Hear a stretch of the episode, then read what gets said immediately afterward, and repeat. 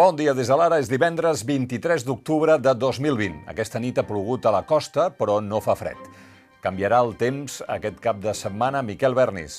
Avui entrarà vent sec que obrirà clarianes i farà baixar la humitat i la contaminació. A la tarda i vespre hi haurà algunes tempestes al Pirineu. Cap de setmana molt de sol. Les nits ja seran una mica més de tardor, però fins dilluns no farà fred.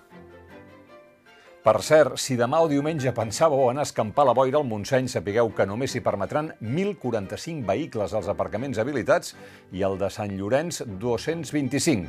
Quan tots els aparcaments estiguin plens, s'impedirà l'accés de més vehicles. A peu, amb bici o amb el servei de bus dels parcs sempre s'hi podrà accedir.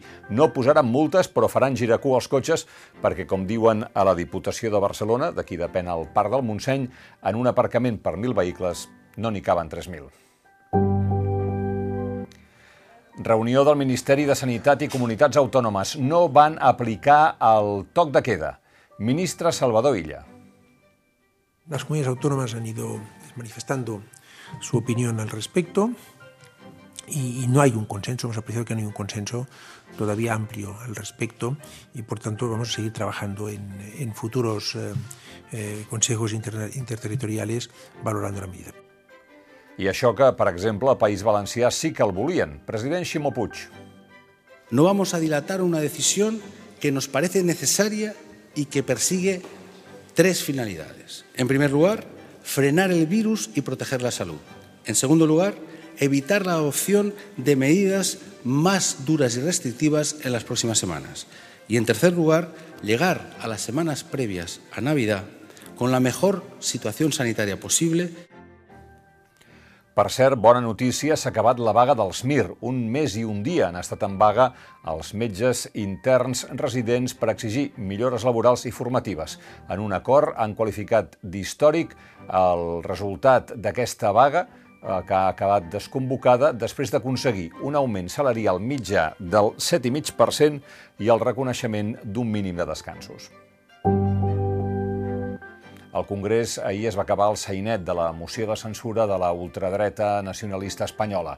El resultat final de la moció va ser de només 52 diputats a favor, els de Vox, i la resta 298, tots en contra, inclòs el PP, inclosa Cayetana Álvarez de Toledo, que havia defensat públicament l'abstenció.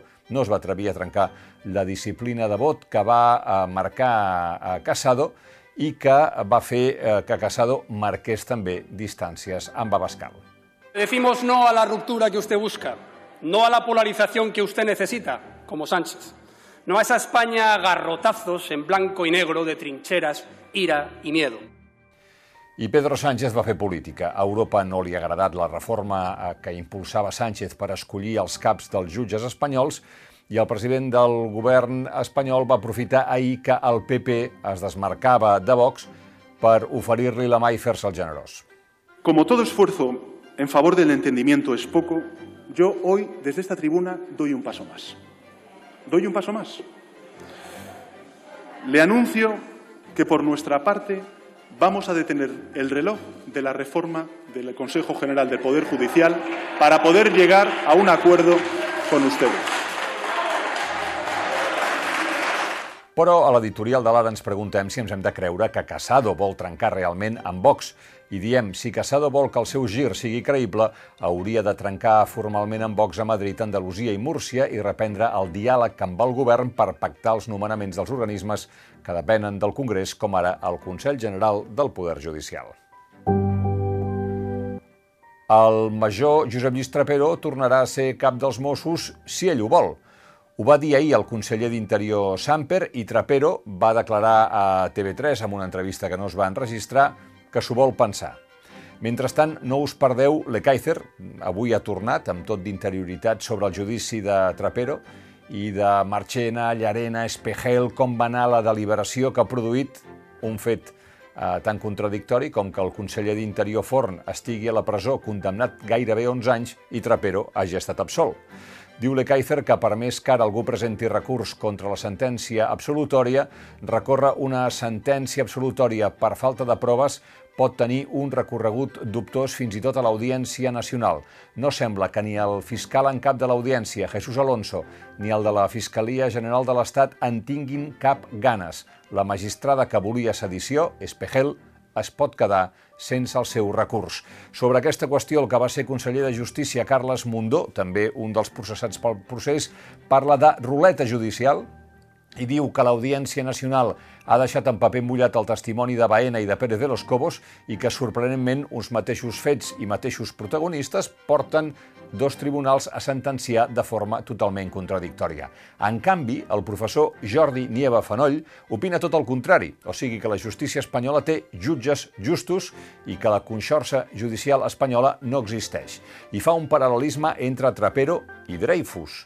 Trapero no era un alsacià d'origen jueu, sinó un policia d'origen familiar castellà que de manera involuntària va assolir un gran protagonisme arran d'una operació policial exitosa contra el jihadisme.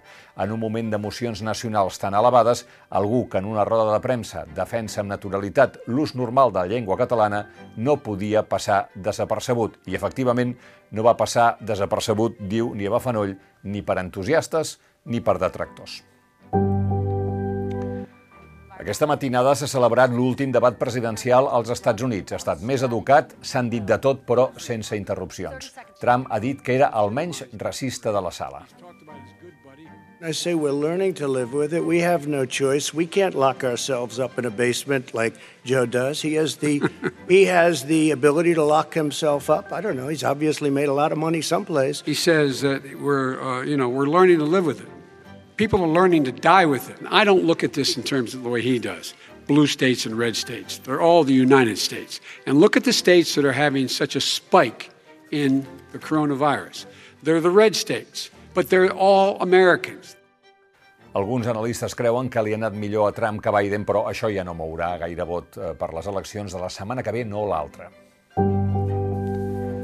Avui tenim entrevista amb Bruce Springsteen que diu que té ganes de continuar cremant energies a l'escenari tant de temps com pugui, que com més gran et fas, més penses qui sap què perdurarà i què no. Ningú no sap què passarà demà. Aquest és el meu mantra dels últims 20 o 25 anys. Demà a les 4, Barça-Madrid. La directiva del Barça continua fent el ronso per veure si sona la flauta i entre la pandèmia o un jutge s'estalvien l'haver d'haver de celebrar la moció de censura. Quan els promotors de la moció van presentar les firmes, els directius van esperar fins l'últim dia per constituir la mesa del vot de censura. Durant el recompte de suports van denunciar a la Guàrdia Civil que hi havia 500 butlletres presumptament falses que al final eren mitja dotzena. Un cop les firmes van ser validades, van estirar la convocatòria del referèndum fins l'últim dia permès pels estatuts, l'1 de novembre. Ara diuen que no, que l'1 de novembre no, que necessiten mínim 15 dies més per adaptar la moció als canvis que els hi demana el Departament de Salut, que bàsicament és posar més seus electorals i que no hi hagi aglomeracions. Per cert, que avui eh, Gerard Piqué diu a La Vanguardia, textualment, és una barbaritat que el club s'hagi gastat diners en criticar els jugadors, en referència al cas de les xarxes socials.